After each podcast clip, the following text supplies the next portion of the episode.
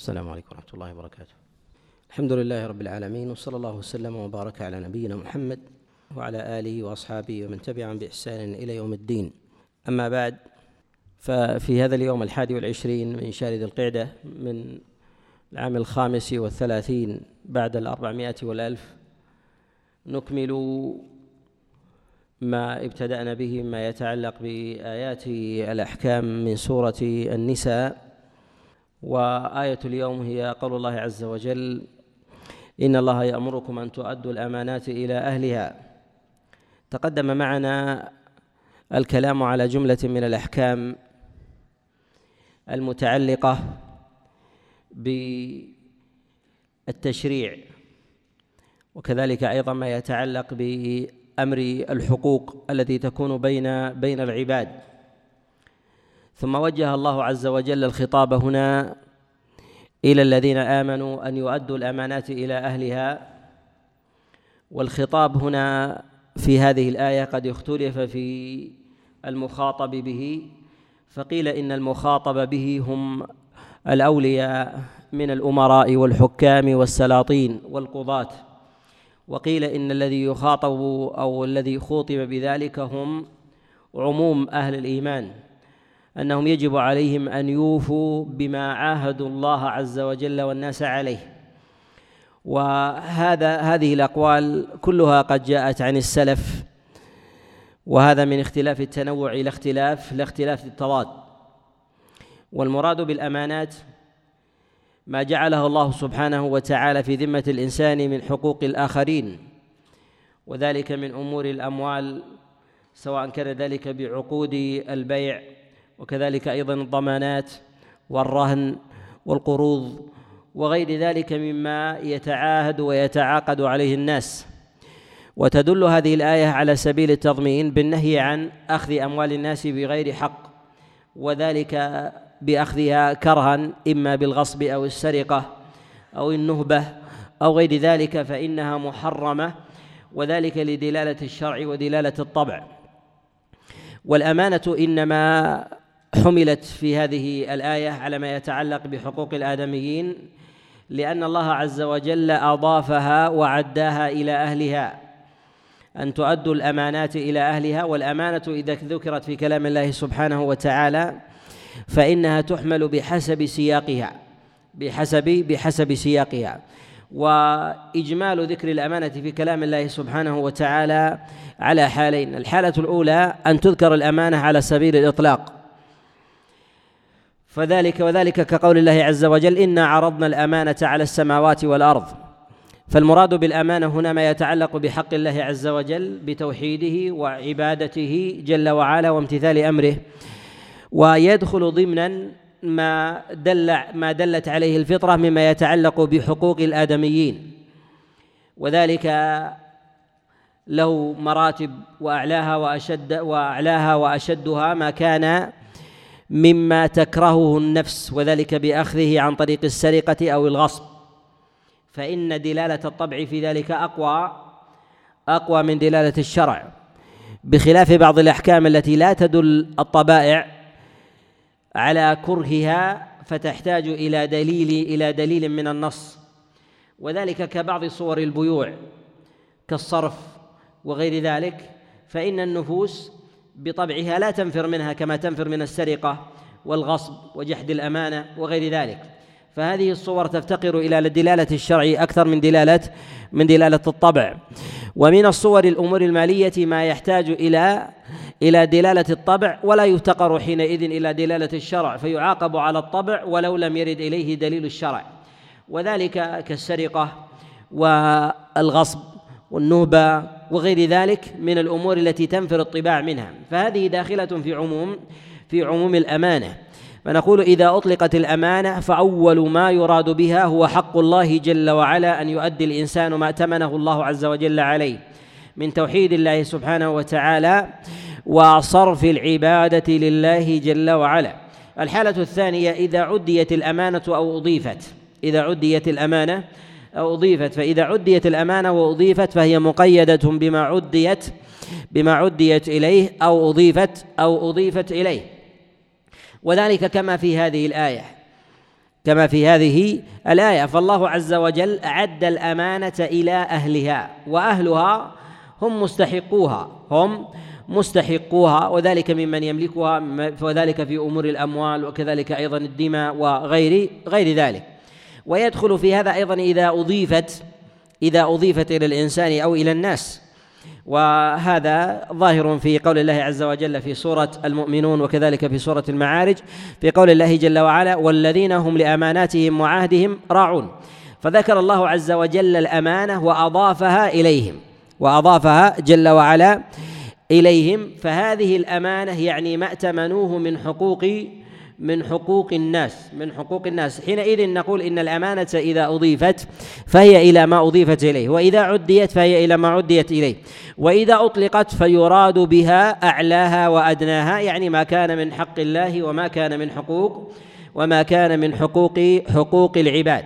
ولهذا نقول إن الأمانة هنا في هذه الآية المراد بها هي حقوق الآدميين.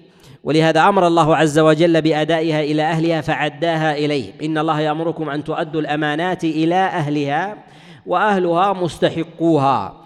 وذلك بما يملكه الإنسان وكذلك ما كان حقا له من غير ملك سابق من غير ملك سابق. وذلك بقسمة الغنائم بالعدل وقسمة الفيء وقسمة الزكاة والصدقة. فإن فإن مستحق فإن مستحقها لم يكن مالكا لها من قبل. وإنما استحقها لأمر الله جل وعلا لمالكها أن يدفعها إليه. فحينئذ فحينئذ أصبحت حقا له ويجب أن أن تدفع إليه فهو من أهلها. ويؤكد هذا أن الله سبحانه وتعالى وجه الخطاب في هذه الآية إلى الأمراء والأولياء والحكام والقضاة. فالخطاب توجه توجه إليه. وجاء هذا القول عن غير واحد من السلف كعبد الله بن عباس وروي أيضا عن علي بن أبي طالب وقال به مجاهد بن جبر وغيرهم أن أن المخاطب في ذلك هم الأمراء. واختلف في توجيه الخطاب. هل المراد به عموم الناس؟ أما المراد به جماعة منهن؟ بعض العلماء من السلف كعبد الله بن عباس يقول إن هذه الآية إنما نزلت في الأمراء يعظون النساء في أداء الأمانة لأزواجهن. وروي هذا أيضا عن بعض السلف كزيد بن أسلم وغيره ومنهم من قال إن المراد بذلك هو عموم هم عموم الناس. فيأمر الله عز وجل الحكام بأن يعطوا الناس حقوقهم. وهذا يؤكد أن المخاطب في هذه الآية هم الأمراء والحكام ولا يخرج ذلك غيرهم من الأفراد فيسقط فيسقطهم حينئذ من الحكم فهم داخلون داخلون فيه من باب أولى داخلون فيه من باب من باب أولى ولكن الخطاب إنما توجه إلى الأمراء لعظم الحق عليهم وعظم أثر ظلمهم على غيرهم. وهم المخاطبون في قول النبي صلى الله عليه وسلم كما جاء في البخاري في حديث خولة الأنصارية أن رسول الله صلى الله عليه وسلم قال إن أقواما يتخوضون في مال الله بغير حق فلهم النار. والمراد بالتخوض هو الضرب بالضرب بالعشواء من غير من غير إنصاف وعدل. فهذا فهذا من الخوض فهذا من الخوض كخوض الإنسان في الماء كخوض الإنسان في الماء. يخوض في مال الله عز وجل بغير حق فله النار. فيعطي من لا يستحق العطية ويحرم من من يجب أن يعطى من أصحاب من أصحاب الحقوق. ولهذا أمر الله عز وجل الحكام بذلك. وقرينة هذا ويؤيده أن المراد بالخطاب هنا هم الحكام والسلاطين والقضاة أن يؤدوا الأمانات إلى أهلها أن الله أمر بعد هذه الآية بطاعة أولي الأمر. فقال الله جل وعلا أطيعوا الله وأطيعوا الرسول وأولي الأمر منكم. فالسياق هنا سياق سياق يتوجه إلى إلى أولي إلى أولي الأمر. فناسب أن يحمل على هذا المعنى ويدخل غيره ويدخل غيره في ذلك في إما بدلالة الأولى أو بدلالة أو بدلالة التضمين. وهنا أيضا قرينة تؤكد هذا المعنى أن الله جل وعلا قال بعد ذكر ذكره وأمره لأداء الأمانة ذكر الحكم قال وإذا حكمتم بين الناس. لما ذكر الحكم والذي يحكم هو الحاكم والوالي دل على أن الخطاب يتوجه إلى إلى الحكام وإلى القضاة الذين يقضون يقضون بين الناس. وإنما عظم الله عز وجل الأمانة وهي تتعلق بحقوق الآدميين لأن الأمانة مبنية على الحقوق والحقوق مبنية على المشاحة. وحق الله عز وجل مبني على المسامحة فشدد الله عز وجل في ذلك. وقد جاء النبي عليه الصلاة والسلام ما يبين أن حقوق الآدميين مبنية على المشاحة وأن الله لا يعفو لمن أخذ حقا منها إلا بأمرين. الأمر الأول أن يؤدي الإنسان الحق إلى أهله بعد أخذه. الأمر الثاني أن يعفو صاحب الحق عمن ظلمه. فإذا كان كذلك فقد حينئذ يسقط الحق. وأما ما عدا ذلك فمهما, فمهما بلغ الإنسان منزلة ومرتبة فإن الله لا يعفو عنه. ولهذا يقول النبي صلى الله عليه وسلم في الشهيد يغفر له كل ذنب اقترفته يمينه إلا الدين لأن الدين متعلق بحق الآدميين. وإذا قلنا في الدين فنقول بدلالة الأولى ما كان السرقة والغصب وغير ذلك. ولكن إنما ذكر الدين هنا وما ذكر غيره تعظيما للمجاهد في سبيل الله لأنه لا يليق أن يذكر في المجاهد أنه يسرق. أو يغتصب أو ينهب. فذكر أمر الدين. فذكر أمر الدين لأنه أمر معتاد. أنه أمر أمر معتاد فدخل غيره فيه من باب أولى. فدخل غيره فيه من باب من باب أولى. تغفر له كل خطيئة اقتربتها يمينه إلا إلا الدين. وقد جاء عن عبد الله بن مسعود عليه رضوان الله تعالى من حديث الزاذان عنه أنه قال إن الشهادة تغفر كل شيء إلا الأمانة.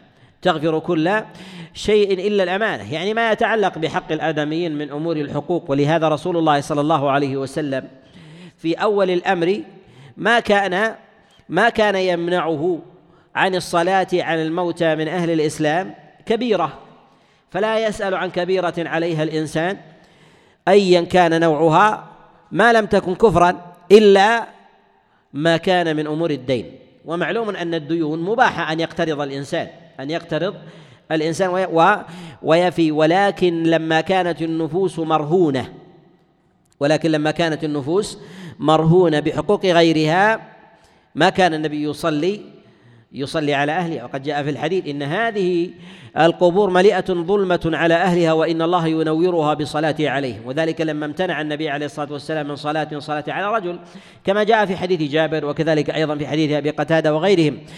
يقول أبو قتادة عليه رضوان الله تعالى توفي رجل منا فغسلناه وكفناه ثم أتينا به رسول الله صلى الله عليه وسلم ليصلي عليه. فقلنا فقال رسول الله صلى الله عليه وسلم عليه دين. قلنا نعم عليه ديناران. فقال رسول الله صلى الله عليه وسلم صلوا على صاحبكم. فقال أبو قتادة فوجدت في نفسي لهذا الرجل فقلت يا رسول الله إنهما علي. فقال النبي صلى الله عليه وسلم هما عليك وبرئ منهما الميت؟ قال نعم. قال فصلى عليه رسول الله صلى الله عليه وسلم. فلما كان من الغد يقول أبو قتادة فلقيني رسول الله صلى الله عليه وسلم في سكة من سكك المدينة. فقال ما فعل الديناران؟ قال قلت يا رسول الله إنما مات الميت بالأمس. يعني يريد الإمهال. قال فلقيني النبي صلى الله عليه وسلم بعد فقال ما فعل الديناران؟ فقال قضيتهما يا رسول الله؟ قال الآن بردت جلدته. وهنا مع أنه قد تكفل أبو قتادة في الأمر فقال هما علي فقال النبي هما عليك وبرئ منهم الميت إلا أنه ما ارتفع. لماذا؟ لأن تحمل الدين لا ينتقل إلا بموافقة صاحب الدين ولم يكن حاضرا. ولم يكن ولم يكن حاضرا. ولو قبل الحوالة صح وارتفعت عن الميت. وارتفعت عن الميت. فبقيت نفسه مرهونة بهذا الدين. حتى قضي حتى قضي عليه آه، عنه دينه. ولهذا نقول إن الله سبحانه وتعالى يغفر لعبده إن شاء ما كان من حقه. ولا يغفر للعباد ما كان من حقوقهم إلا بعفو أو أو أداء الحقوق إلى أهلها. وقد جاء في الصحيح في قول النبي صلى الله عليه وسلم قال عليه الصلاة والسلام من كانت عنده مظلمة لأخيه فليتحلله منها من قبل أن يأتي يوم لا دينار فيه ولا درهم. يعني لا بد فيه من لا بد فيه من الوفاء. وقد جاء في حديث أبي هريرة في صحيح مسلم أن النبي صلى الله عليه وسلم قال لتؤدن الحقوق إلى أهلها ولا يقتصن الله من الشاة القرناء للشاة الجماء. وهذا إشارة إلى أن العدل فيما يتعلق بأمور الحقوق يتعدى بني آدم إلى إلى إلى الحيوان. يتعدى بني آدم إلى الحيوان وهذا لكمال عدل الله لكمال عدل الله. وبعض النفوس تظن أن حقوق الآدميين والأمانات تعفى بالتوبة. فإذا سرق تاب وإذا غصب تاب وإذا نهب تاب وهذا وهم وهذا وهم. فلا بد من إعادة الحق إلى أهله. وهذا ربما يجهله بعض أهل الفضل كما جهله بعض الصحابة عليهم رضوان الله تعالى. فظن بعضهم أن حقوق الآدميين تغفر بعموم التوبة والاستغفار.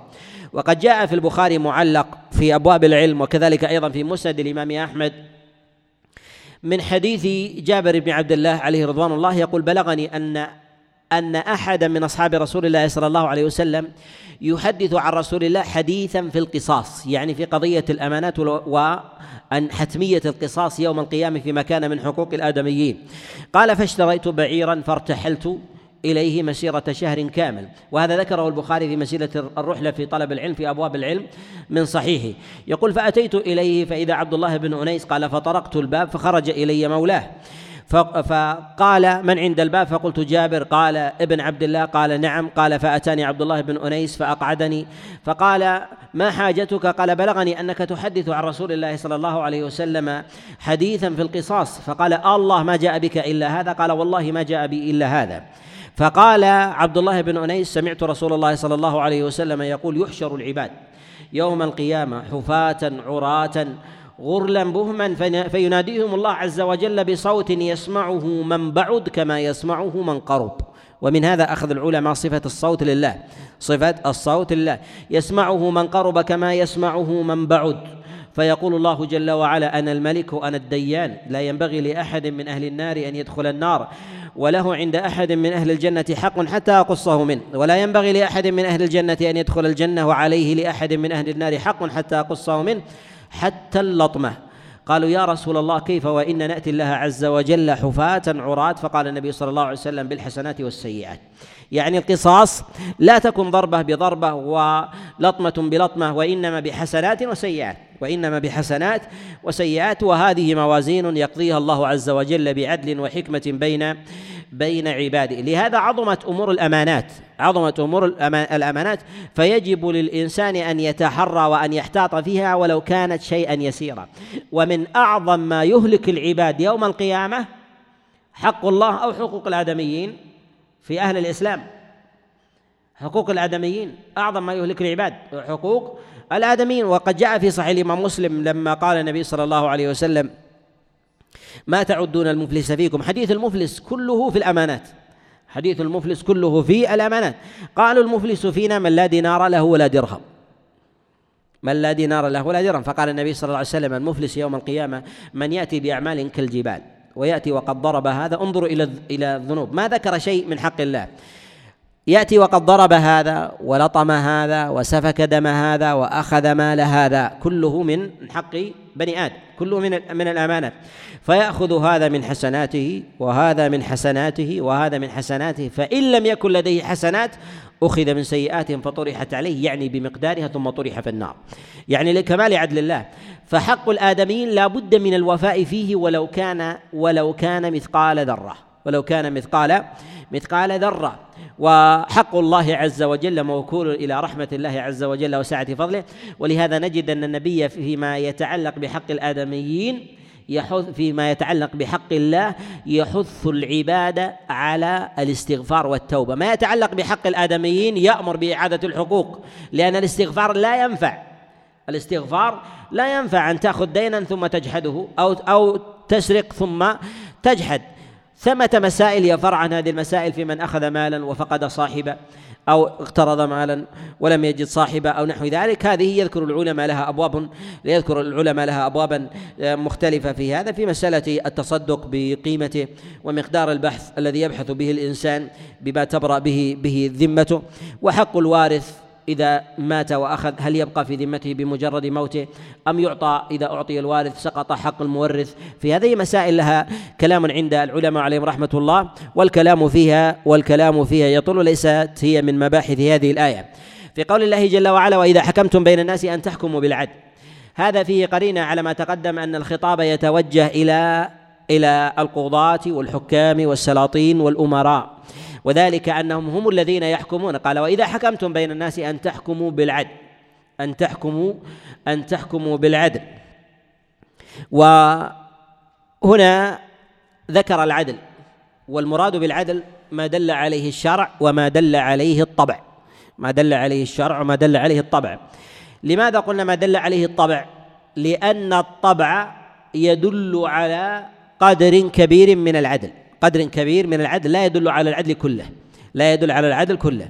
ولكن الشريعة دلت على العدل كله. دلت على العدل كله. فذكر هنا العدل لأن العدل وحكم الله. لأن العدل وحكم الله. بينهما تلازم بينهما تلازم. فإذا ذكرت العدل فالمراد به هو حكم الله وإذا ذكرت حكم الله فالمراد به العدل فالمراد به العدل. ولهذا يقول الله جل وعلا في كتابه العظيم وأن احكم بينهم بما أنزل الله هنا ذكر العدل أن تحكموا بالعدل. لأن العدل لا يخرج عن حكم الله عن حكم الله تعالى عن حكم الله تعالى. والأدلة على معرفة ذلك بالشرع وبالطبع. فهل يدل الطبع على العدل مجردا من غير شرع؟ نقول نعم. يدل الطبع. وهذا دلالة على أن الخالق هو الله خلق عبادا تتوافق طبائعهم مع شرعته مع شرعته. فتجد المشرك الوثني وبل تجد حتى من يجحد وجود الخالق يؤمن بأن السرقة حرام ويؤمن بأن الضرب حرام ويؤمن بأن التعدي على الناس حرام وأن أخذ القرض وعدم الوفاء به أو المماطلة فيه ليست ليست من العدل. فهذا أمر قد فطر الله عز وجل الناس عليه. وما دل عليه الطبع لا يحتاج لقيام الحجة عليه شرع.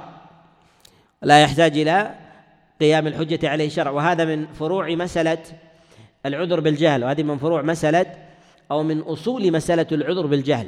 وذلك أن بعض الناس يريد أن يتكلم على مسألة العذر بالجهل ولا يفرق بين أدلة الطبع ولا أدلة الشرع. وهذا جهل وهذا جهل وبه يخطئ كثير من من الكتبة والباحثين في هذه المسألة في مسألة العذر بالجهل إذ لا يفرقون بين أدلة الطبع وبين أدلة الشرع. وذلك أن من الأدلة ما قام الطبع على عليه فلا يحتاج إلى دليل من الشرع. ومنها ما يحتاج إلى دليل من الشرع لضعف دليل الطبع في الدلالة عليه في الدلالة عليه. فنجد أن دليل الطبع يدل على حرمة السرقة والغصب والنهباء ويضعف في جانب الربا. لماذا يضعف في جانب الربا؟ لأنه قد يقع الربا بين متراضيين. ولكن لا تقع السرقة بين متراضيين. الصرف يضعف جوانب الجهالة والقمار ما يقع فيه التراضي يضعف شيئا شيئا فشيئا جانب دلالة دلالة الشرع. دلالة الشرع يحتاج إليها حينئذ حتى تكمل الناقص في الطبع. حتى تكمل الناقص في الطبع. هذا كما أنه في أبواب الحقوق كذلك أيضا ما كان من حق الله. ما كان من حق الله سبحانه وتعالى. فأعظم ما يدل عليه الطبع في أبواب التوحيد هو وجود الخالق. هو وجود الخالق. ثم يحتاج الناس في ذلك إلى شيء يتمم نقص الطبع. وجود الخالق دليل الطبع فيه أقوى أو دليل الشرع. نعم. دليل الطبع. أقوى من دليل الشرع في إثبات وجود الخالق. والذي أوجد دليل الطبع هو الذي أنزل دليل الشرع. هو الذي أنزل دليل الشرع. فأوجد الطبع في المخلوق ليدل على الخالق. ليدل على الخالق.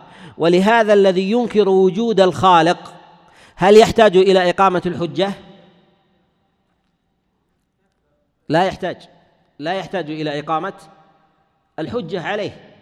لماذا؟ لأن دليل الطبع ليس بحاجة إلى إلى دليل شرع لقوته وكماله في هذا الموضع في هذا الموضع.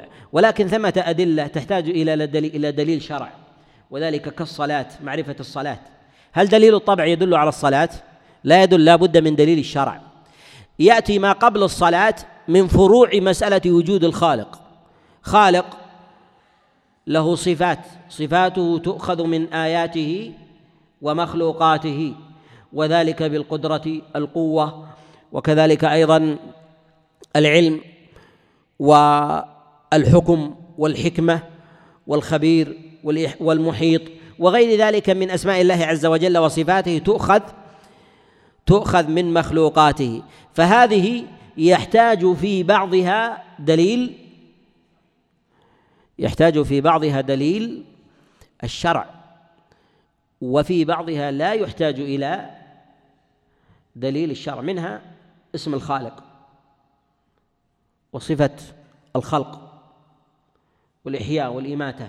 هذه لا تحتاج إلى دليل شرع لا تحتاج إلى دليل إلى دليل شرع. ومنها ما يحتاج ومن ذلك ما لا يحتاج العلم لا يحتاج إلى دليل من الشرع. بل دليل الطبع دال دليل الطبع دال عليه. بل دليل الطبع دال دال عليه. وهكذا. فالله سبحانه وتعالى إنما ذكر فهذه المسألة في مسألة آه، التكليف وقيام التكليف على العباد. تحتاج إلى إلى بسط. ولعل الله عز وجل ييسر لنا مجلس نتكلم على هذه المسألة في مسألة قيام التكليف. ومتى يقوم على الإنسان التكليف؟ والفرق بين دليل الطبع ودليل الشرع. ومتى يكتفى بدليل الطبع؟ ومتى لا يكتفى ومتى يكون دليل الشرع أقوى من دليل الطبع؟ ومتى يتساويان؟ ومتى يطرأ التبديل على الطبع ومتى لا يطرأ عليه؟ فهل يطرأ التبديل على الطبع كما يطرأ على الشرع؟ هل الشرع يطرأ عليه تبديل؟ يطرأ عليه تبديل نعم كما بدل اليهود والنصارى. أليست التوراة والإنجيل شرع؟ شرع ولكنها بدلت. فهل الطبع الذي طبع عليه الإنسان يبدل أو لا يبدل؟ وما هو مقدار التبديل؟ وما هو مقدار التبديل. في حديث أبي هريرة ما من مولود إلا ويولد على الفطرة فأبواه يهودانه أو ينصرانه. هل الحد في التبديل كما ذكر يهودانه أو ينصرانه هل يصل التبديل إلى حد نفي الخالق؟ هل يصل يقدر إنسان على أن يبدل فطرة إنسان حتى ينفي وجود الخالق أو لا أو لا يستطيع؟ وكذلك أيضا لماذا أمر الإنسان بالعب بمعرفه حق الله عز وجل والبحث عن ذلك والتحري. وما علاقة ذلك بالفطرة؟ إذا علم الإنسان بوجود نبي ولم يعلم بتفاصيل تشريعه هل يخاطب بالتفاصيل أو لا يخاطب؟ نعم. يخاطب. يخاطب التفاصيل لأنه علم بالأصل فأعرض. علم بالأصل فأعرض. فيخاطب حينئذ بالفرع. ويخاطب فيخاطب حينئذ بالفرع. وهي فروع ما يتعلق فروع الشريعة كأركان الإسلام ونحو ذلك. لماذا؟ لأنه لو عذر الإنسان بالإعراض لكان التعليم مذموم. لماذا نعلمكم الآن؟ وأنتم ربما بعضكم لا يعرف بعض هذه المسائل ونحو ذلك من من أحكام الشريعة. إذا كان الجاهل معذور لماذا نعلمه نقيم عليه الحجة حتى يحاسب يوم القيامة؟ ولو كان كل جاهل معذور لكان الجهل خير خير من العلم. لماذا نعلم أبناءنا؟ ونعلم بناتنا؟ لماذا لا نلقيهم على جهل حتى يبعثوا معذورين؟ ولكن نحن نريد أن نثبت أمرين. قيام الخلق لعبادة الخالق وأن نرفع الحجة والعذر عن الناس. فلا بد من قيام ذلك حتى لا يوصف الإنسان بالإعراض. قد يقول قائل هل هذا له أصل في الفطرة؟ نعم. فطر الله الإنسان على البحث وحب التتبع. لهذا تجد في الإنسان تأملوا هذه الفطرة وأثرها في مسألة العذر بالجهل. فطر الله الإنسان على البحث والتحري أليس كذلك؟ أليس كذلك؟ ولم يفطر الحيوان على ذلك. حينما إلا لحظ نفسه إلا لحظ نفسه. حتى تعرفوا مثلا لماذا الله عز وجل كلف الإنسان بما يجهله حقيقة وحاسبه عليه يوم القيامة حسبه عليه يوم القيامة وهو يجهل حقيقة لأنه عرف أوله وما تتبعه وما تتبعه. فطر الله الإنسان على البحث والتتبع. لهذا يوجد في الإنسان التجسس والتحسس ولا يوجد في الحيوان. الحيوان يمر ما دام لا تخوفه لا يلتفت إليك. الإنسان يبحث في ثقب الباب ينظر ماذا تفعل ولا حظ له في هذا. ولا حظ له في هذا. ألا يوجد هذا في البشر؟ موجود في البشر. إذا هذه فطرة أو ليست فطرة غرسها الله في الإنسان. فاستغلها الإنسان في تتبع دنياه وعطل أمر دينه وعطل أمر أمر دينه. فهذا قد طبعت النفس عليه طبعت النفوس عليه. فأوجده الله في الإنسان وما أوجده في الحيوان. ولهذا الحيوان لا يؤاخذ بجهله لا يؤاخذ بجهله. وإنما بما قام فيه لأن الله ما فطره على تتبع ما جهله. على ما جهل ولهذا تجد الطائر الصقر أو الكلب. هل يعلم نفسه أو تعلمه أنت؟ تعلم حتى يتعب. لا لا يتشوف هو إلى إلى التعلم. لا يتشوف إلى التعلم. لماذا؟ لأن الله سلبه فطرة التتبع. ما يسميه بعض المربين ما يسمى بتطوير الذات. لا يوجد عند الحيوان. موجود عند الإنسان.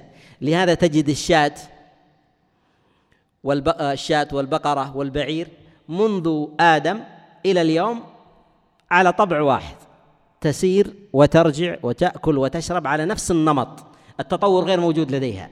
لماذا؟ لأنها غير مفطورة على غير مفطورة على التعلم متتبع موجود في الإنسان. يحب أن يتعلم من كل شيء.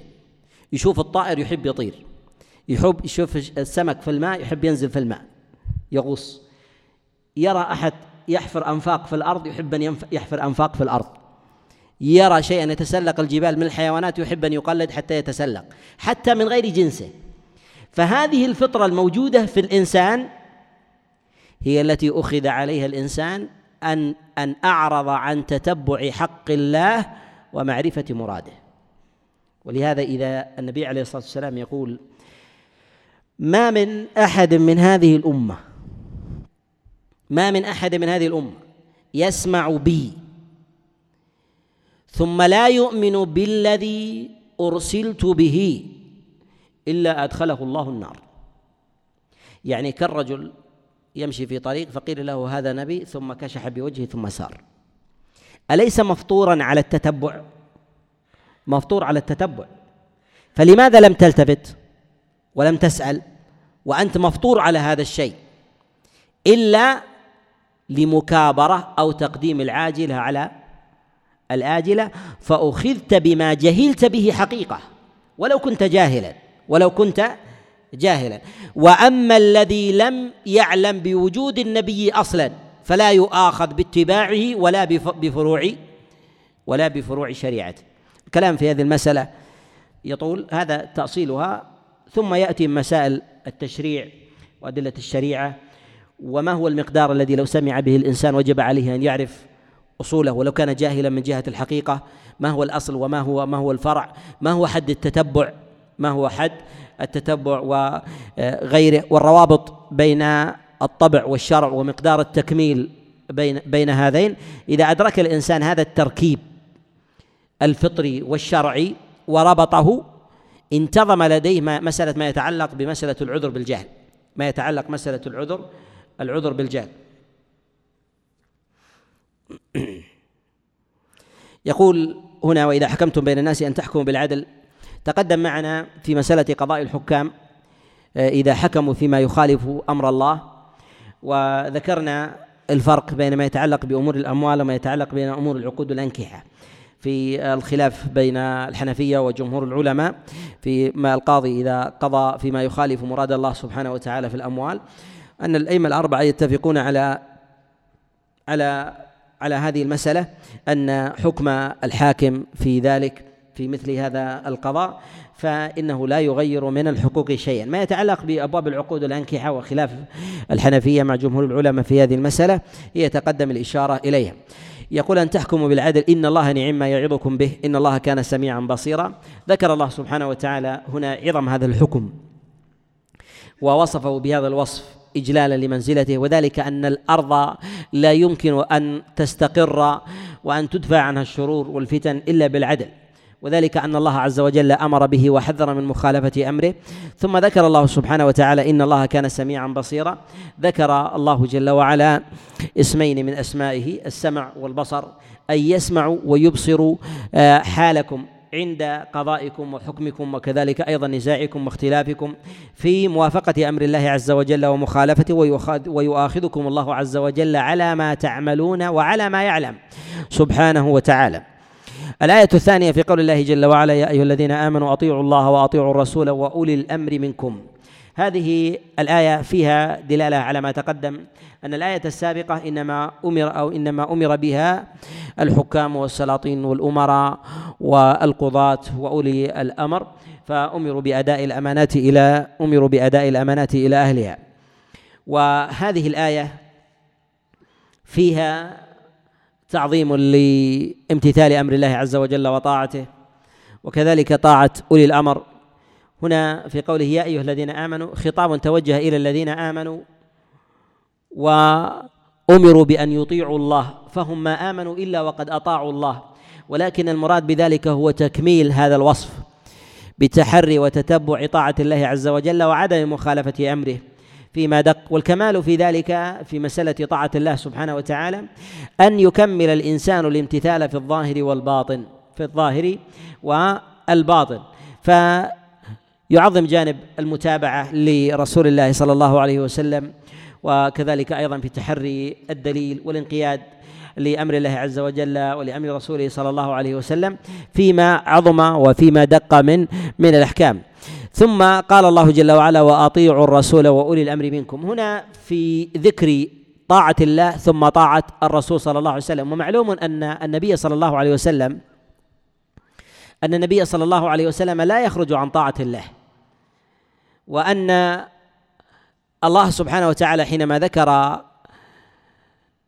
طاعته وطاعة نبيه عليه الصلاة والسلام لينبه العباد أن رسول الله صلى الله عليه وسلم كما أنه مبلغ عن الله وهذا هو الأصل في رسالته فهو مشرع في فعله مشرع عليه الصلاة والسلام في فعله. الأصل في رسالة النبي عليه الصلاة والسلام البلاغ فهو مبلغ بقوله عن الله ومبلغ في فعله بأمر الله.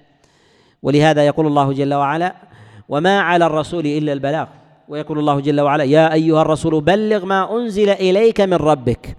ويقول النبي عليه الصلاة والسلام كما في الصحيح أيضا قال بلغوا عني يعني كما أن النبي بلغ عن الله فأنتم بلغوا عن رسول الله لينتظم عقد البلاغ عن عن الله سبحانه وتعالى. أطيعوا الله وأطيعوا الرسول. فذكر النبي عليه الصلاة والسلام من باب التأكيد وإلا فرسول الله صلى الله عليه وسلم لا يخرج عن أمر الله عز وجل. قال وأولي الأمر منكم وأولي الأمر منكم. الأصل في أولي الأمر هنا الخطاب.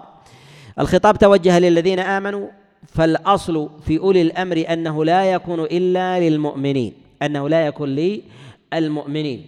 فالخطاب توجه إلى المؤمنين ومعناه فيهم ومعناه فيهم. وهذا لا خلاف فيه عند العلماء أن طاعة أولي الأمر لا تكون إلا في الحاكم المسلم لا تكون إلا في الحاكم في الحاكم المسلم تدينا وتعبدا تدينا وتعبدا. وهل يطاع غير المسلم؟ الحاكم أم لا يطاع؟ نقول إن الله سبحانه وتعالى جعل أولي الأمر من أهل الإيمان. وهذا له أدلة هنا في كلام الله سبحانه وتعالى في هذه الآية. أول هذه الأدلة تدل على أن أولي الأمر الذين أمر الله عز وجل بطاعتهم هم أهل الإسلام. في قول الله جل وعلا يا أيها الذين آمنوا في الخطاب توجه للذين آمنوا. فأمرهم الله عز وجل بطاعته ويؤكد هذا أن الله قال بعد ذلك وأولي الأمر منكم. منكم يعني من الذين آمنوا. من الذين من الذين آمنوا. والدليل الثاني في ذلك أن الله سبحانه وتعالى قارن طاعة أولي الأمر بطاعة رسول الله صلى الله عليه وسلم يعني أنهم تبع وأنهم إنما أخذوا الطاعة والانقياد لأمر رسول الله صلى الله عليه وسلم والموافقة. لأنه لو كان الأصل فيهم المخالفة لو كان الأصل فيهم المخالفة ما كان للاقتران هنا معنى. فالله قارن طاعة نبيه بطاعة الله لأن الأصل في ذلك الموافقة. وقارن طاعة أولي الأمر برسول الله صلى الله عليه وسلم لأن الأصل في ذلك الموافقة. وأيضا الدليل الثالث في ذلك أن الله جل وعلا قال فإن تنازعتم في شيء فردوه إلى الله والرسول ولا يرد إلى رسول الله إلا من آمن بالله. ولهذا ذكر القيد وهو الدليل الرابع في هذه الآية إن كنتم تؤمنون بالله. فذكر ذلك هذا الشرط أن أنه لا ينقاد لذلك إلا من آمن بالله سبحانه وتعالى. الدليل الخامس في ذلك المراد بذلك هم أولي الأمر من المسلمين في قول الله جل وعلا ذلك خير وأحسن تأويلا. ذلك خير وأحسن تأويلا. لا يوصف الحاكم بالخيرية وحسن التأويل إلا إذا كان مسلما. فإن وصف الكافر بذلك وهو ظالم في حق الله ليس ليس من ليس من طريقة القرآن ولا في أسلوبه ولا يستقيم مع أصوله وفروعه. وكذلك أيضا في قول الله جل وعلا خير وأحسن تأويل فيه إشارة إلى أن أصل الخصومات التي تكون بين الناس إنما هي بالتأويل الباطل. أنها بالتأويل الباطل. فيتعول هذا حق وهذا يتعول حق حتى يكون الأمر آه، بالهوى. وهنا في قول الله جل وعلا وأطيعوا الرسول وأولي الأمر منكم. هذه الآية نزلت في الولاية الخاصة لا في الولاية العامة. ومعلوم أن الولاية على نوعين ولاية خاصة وولاية عامة.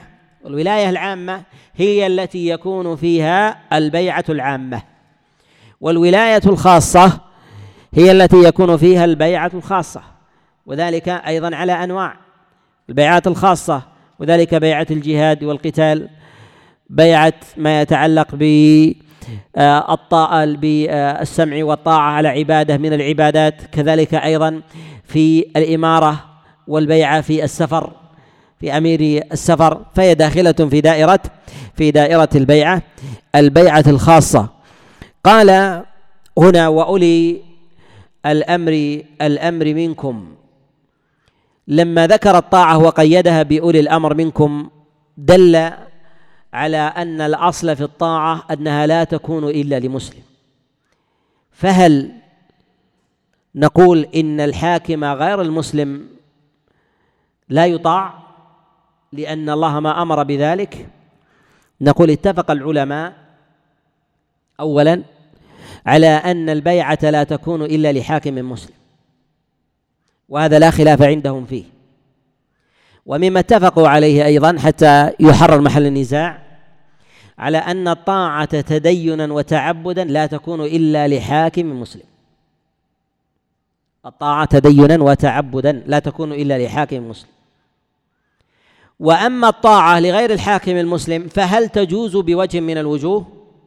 نقول إن طاعة إن طاعة المأمور للآمر فيما أمر به على أحوال ثلاثة. على أحوال ثلاثة. طاعة المأمور لأجل الآمر والمأمور به. طاعة المأمور لأجل الآمر والمأمور به. وهذه لا تكون إلا للحاكم المسلم. ولا تكون إلا للحاكم المسلم وفيما يؤمر به من الحق والعدل والعبادة. الحالة الأولى طاعة المأمور للآمر وللمأمور به. طاعة المأمور للآمر والمأمور به. وهذه لا تكون إلا للحاكم المسلم فيما يأمر به من عبادة الله والحق والعدل. والحق والعدل. وهذه يكون فيها التدين يكون فيها التدين. في فيمتثل دينا لطاعة الحاكم ويمتثل دينا لأنه أمر بعبادة. مثال ذلك أن يأمر بالنفير للجهاد أو يأمر بالصدقة أو غير ذلك. فيطاع لأنه الآمر ويطاع للمأمور به. أطيع لأمرين لأنه الآمر وهو مسلم وأطيع للمأمور به لأنه عبادة وحق وعدل. الحالة الثانية أن يطاع أن طاعة المأمور لأجل الآمر لا لأجل المأمور به. وهذه تكون للحاكم المسلم إذا أمر بغير ما بغير عبادة كأمره بمباح أو أمره بمكروه غير محرم فيه مصلحة عظمى يجتمع الناس عليه. فهذا يتدين بطاعته ذاته ويؤجر الإنسان بطاعته ولا يؤجر بفعله ولا يؤجر بفعله. وذلك أن يؤمر الإنسان مثلا بأمر معين من أمور المباحات. فطاعته هنا للمأمور به أو للآمر؟ للآمر. وإذا لم يأمر به فهل له أن يفعله؟ ليس له أن يفعله بل لو فعله عبادة ابتدع فيها. وإن فعله فيفعله مباحا لا يفعله أمرا. لا يفعله أمرا ويرى أنه واجب أنه واجب عليه إلا للآمر به. إلا للآمر للآمر به. وذلك ما يتعلق من مصالح الناس من أمور الأنظمة وغير ذلك ومما لم يدل الدليل على الأمر به بعينه. فكان من جملة المباحات. فيطيع المأمور الآمر لأجل الآمر لا لذات الأمر. فيؤجر لامتثاله ولما يتحقق من منافع وآثار لذات المأمور لآثار المأمور به لا لذات المأمور به. لا لذات المأمور المأمور به. والفرق بين هذا الحالة الثانية والحالة الأولى أن الحالة الثانية أو الحالة الأولى الإنسان يؤجر على ذات الفعل. أمر الأمير بالنفير للجهاد. أمر الأمير بالصدقة. قام تصدق فهو أجر على هذا الفعل. أجر على هذا الفعل أجر على ذاك الامتثال.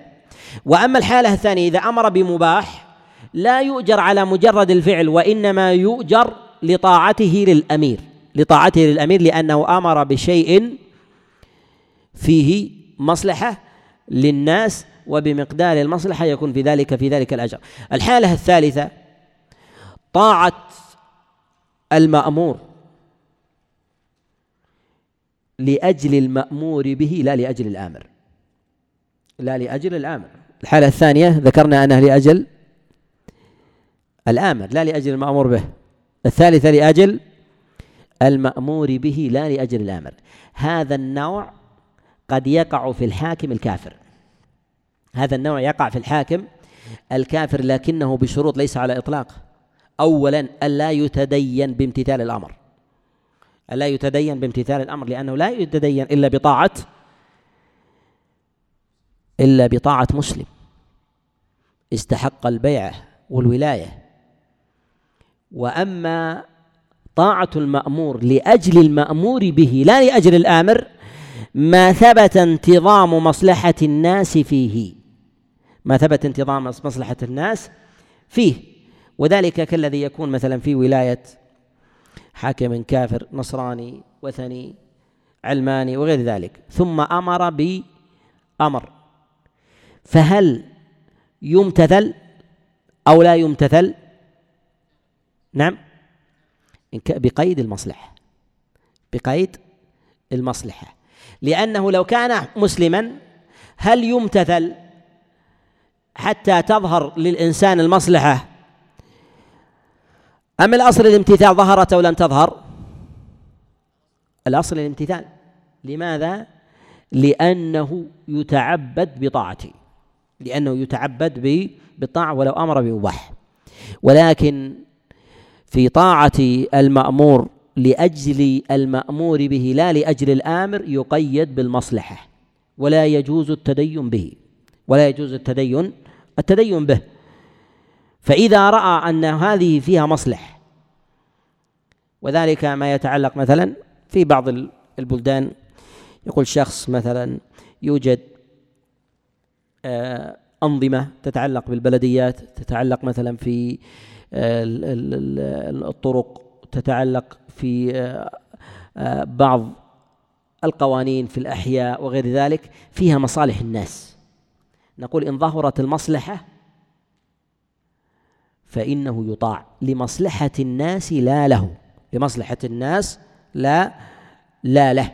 وهذه بقيود وباتفاق العلماء على أن التدين والتعبد في ذلك لا يكون إلا لا يكون إلا إلا لمسلم. وهنا في قول الله عز وجل فإن تنازعتم في شيء فردوه إلى الله والرسول. هنا النزاع. هل الخطاب هنا يتوجه إلى الذين آمنوا في طاعة أولي الأمر أم يتوجه إلى الذين آمنوا وإلى أولي الأمر؟ يتوجه الخطاب إلى الذين آمنوا وإلى أولي الأمر جميعا. أما الخطاب الأول فيتوجه إلى الذين آمنوا بأن يطيعوا أولي الأمر منهم. فإن تنازعوا مع أولي الأمر وجب عليهم أن ينزلوا جميعا إلى حكم الله ورسوله. إلى حكم الله ورسوله. وفي هذا كمال عدل الله سبحانه وتعالى وحكمه. أن جعل الحاكم ينزل ينزل إلى حكم الله مع المحكوم. وفيه أن الخصومة تكون بين الحاكم والمحكوم وبين الراعي والرعية فينزلون إلى حكم الله. فينزلون إلى حكم الله. فالأمر الأول توجه إلى الذين آمنوا في طاعة الحاكم. ثم إن تنازعتم في أمر مع الحاكم فتنزلون إلى جميعا إلى حكم الله سبحانه وتعالى يقضي. فربما يتخاصم أحد من المحكومين مع حاكم فيتقاضى هو وإياه فلا عصمة لأحد. فلا عصمة لأحد فحكم الله عز وجل وقضاؤه على على الناس جميعا. وإنما جعل الله سبحانه وتعالى المرد إلى إلى حكمه. هذا فيه إشارة إلى أن الخطاب هو إنما يوجه إلى المسلمين باعتبار أن الله أرجع الجميع حاكما ومحكوما ومحكوما إليه لأن الله سبحانه وتعالى جعل العدل في حكمه. ومن جعل الحكم في غير حكم الله فشرع غير شرع الله وأحل ما حرم الله وحرم ما أحل الله فقد أشرك الله في ألوهيته وفي ربوبيته وفي أسمائه وصفاته. وقد أشرك في أنواع التوحيد الثلاثة. وأعظمها ظهورا وجلاء الإشراك في ألوهية الله لأن الله سبحانه وتعالى يقول في كتابه العظيم إن الحكم إلا لله أمر الا تعبدوا إلا إياه فمن جعل احدا يحكم بغير حكم الله وله ذلك أن يحل وأن يحرم ولا خالف ما شرع الله فقد عبد غير الله. وأما شركه في أبواب الربوبية أن من جعل التحليل والتحريم لغير الله فلازمه ذلك أن يجعل حكمه عدل أن يجعل حكمه عدل. ومقتضى العدل كمال العلم لأنه لا يعدل إلا من علم الأحوال فهو أعدل من الله يعني أنه أعلم من الله. بما يصلح العباد. فقد أشرك في ربوبية الله كما أشرك في ألوهيته. وأما الشرك في أبواب الأسماء والصفات فقد جعل اسم العدل كاملا أو أكمل لغير الله. وجعل أيضا الحكم والله عز وجل الحكم وهو الحكيم وهو الخبير وهو العليم سبحانه وتعالى جعل غير الله شريكا لله فيها. لأنك إذا قلت فلان أحل ما حرم الله فلان حرم ما أحل الله. وله الحق في ذلك. يعني أن حكمه أعدل من حكم الله وأصلح للناس. يلزم من ذلك أنه أعلم من الله بما يصلحه. وإذا كان أعلم من الله بما يصلحهم ثمة ارتباط بين صفة العلم وصفة الخلق. صفة العلم وصفة الخلق. لأن كمال العلم يعني الخلق. لأن الله عز وجل يقول ألا يعلم من خلق؟ وهو اللطيف الخبير يعني الذي خلق العباد هو أعلم بهم. فإذا جعلت فلانا يقضي فيعني أنه أعلم. وإذا كان هو الأعلم بمصلحة العباد فهو الذي أوجدهم ولو لم يلتزم بهذا اللازم فهو مشرك في أنواع التوحيد الثلاثة. فهو مشرك في أنواع التوحيد الثلاثة. ولهذا قال الله عز وجل في كتابه العظيم ومن لم يحكم بما أنزل الله فأولئك هم الكافرون. الظالمون الفاسقون. نكتفي بهذا القدر. أسأل الله عز وجل لي ولكم التوفيق والسداد والإعانة. وصلى الله وسلم وبارك على نبينا محمد. الأسبوع القادم مشغولون؟ طيب. من من يرغب بعدم إقامة الدرس الأسبوع القادم يشير بيده.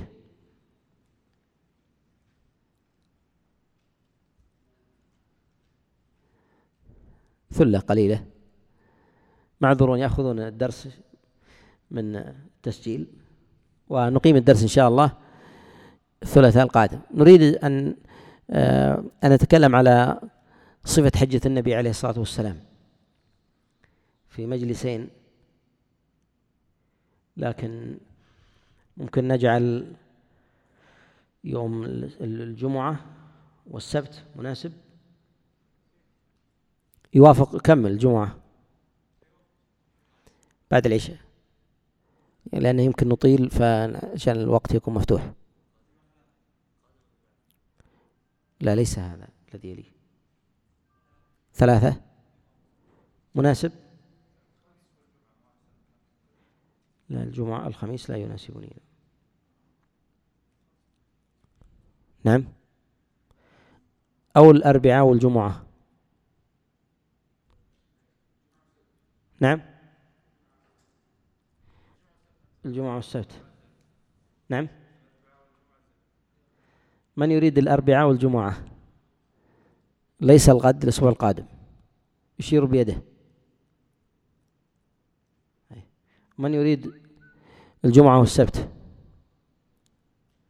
أي الأكثر. الجمعة والسبت إن شاء الله. الجمعة القادم والسبت القادم. ليس هذا الذي الأسبوع الذي يليه. إن شاء الله تعالى كنا عن صفة حجة النبي عليه الصلاة والسلام. نعم. بعد العشاء. نعم.